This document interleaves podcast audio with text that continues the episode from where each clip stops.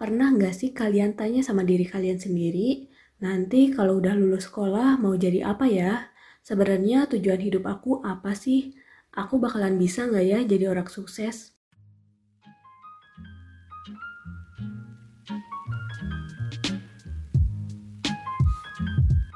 Podcast ini ditunjukkan buat teman-teman yang masih merasa kebingungan atau belum tahu arah tujuan hidupnya mau dibawa ke mana. Sejak awal Maret 2020, COVID-19 masuk ke Indonesia. Pembatasan sosial berskala besar pun diberlakukan dalam rangka menekan angka penyebaran COVID-19. Kita dianjurkan untuk berdiam diri di rumah ketika tidak ada kegiatan yang urgensi di luar. Tapi diem di rumah aja gak bisa jadi alasan kita buat terus males-malesan, rebahan, dan gak ngapa-ngapain. Ketika teman-teman punya waktu luang yang banyak di rumah, Pernah nggak sih kalian kepikiran sama masa depan nantinya bakal gimana? Mumpung masih banyak waktu luang di rumah, nah di sini aku mau bagi tips ke kalian buat nyusun strategi agar target hidup kalian bisa tercapai. Strategi yang bakal kita gunain adalah SMART Goals. Apa sih SMART Goals itu? SMART Goals memiliki arti spesifik, mensurable, achievable, realistic, and time-based. Strategi ini punya banyak fungsi loh. Yang pertama, merancang masa depan.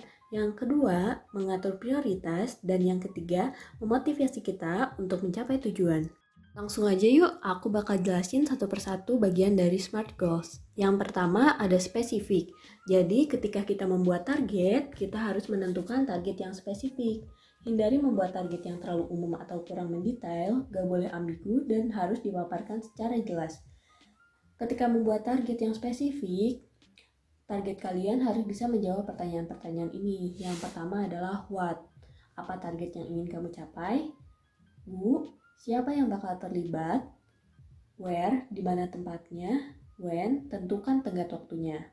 Nah, biasanya kita tuh bikin target terlalu umum. Contohnya, ini contoh yang salah ya.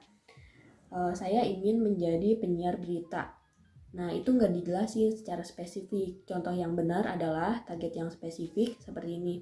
Pada tahun 2022, saya ingin menjadi seorang presenter berita di stasiun TV swasta karena passion dan jurusan yang saya ambil. Nah, target yang spesifik tersebut bisa menjawab pertanyaan-pertanyaan yang tadi yang sudah saya jelaskan. Yang berikutnya adalah mensurable atau terukur. Setelah kita membuat tujuan yang spesifik, langkah selanjutnya adalah mengukur progres atau kemajuan dari tindakan yang sudah dilakukan. Fungsinya adalah agar kita menepati tenggat waktu yang sudah ditentukan dan juga mengetahui pencapaian-pencapaian apa aja sih yang sudah kita dapetin dalam mencapai target tersebut. Cara mengukurnya adalah dengan membuat daily reminder. Nah, tujuannya kita dapat menilai dan juga memastikan progres kita udah sampai mana, meliputi hal-hal apa aja sih yang udah terjadi dalam proses mencapai target tersebut. Jadi kita bakal tahu nih seberapa dekat kita terhadap target hidup kita. Yang berikutnya adalah actionable. Pada poin ini, kita harus membuat aksi apa saja sih yang dibutuhkan untuk mencapai target hidup kita. Aksi yang dilakukan harus realistis dan juga dapat dicapai. Artinya nggak boleh dibuat terlalu mudah, tapi juga nggak boleh dibuat terlalu sulit dan terasa mustahil untuk dicapai. Harus sesuai dengan kapasitas diri kita.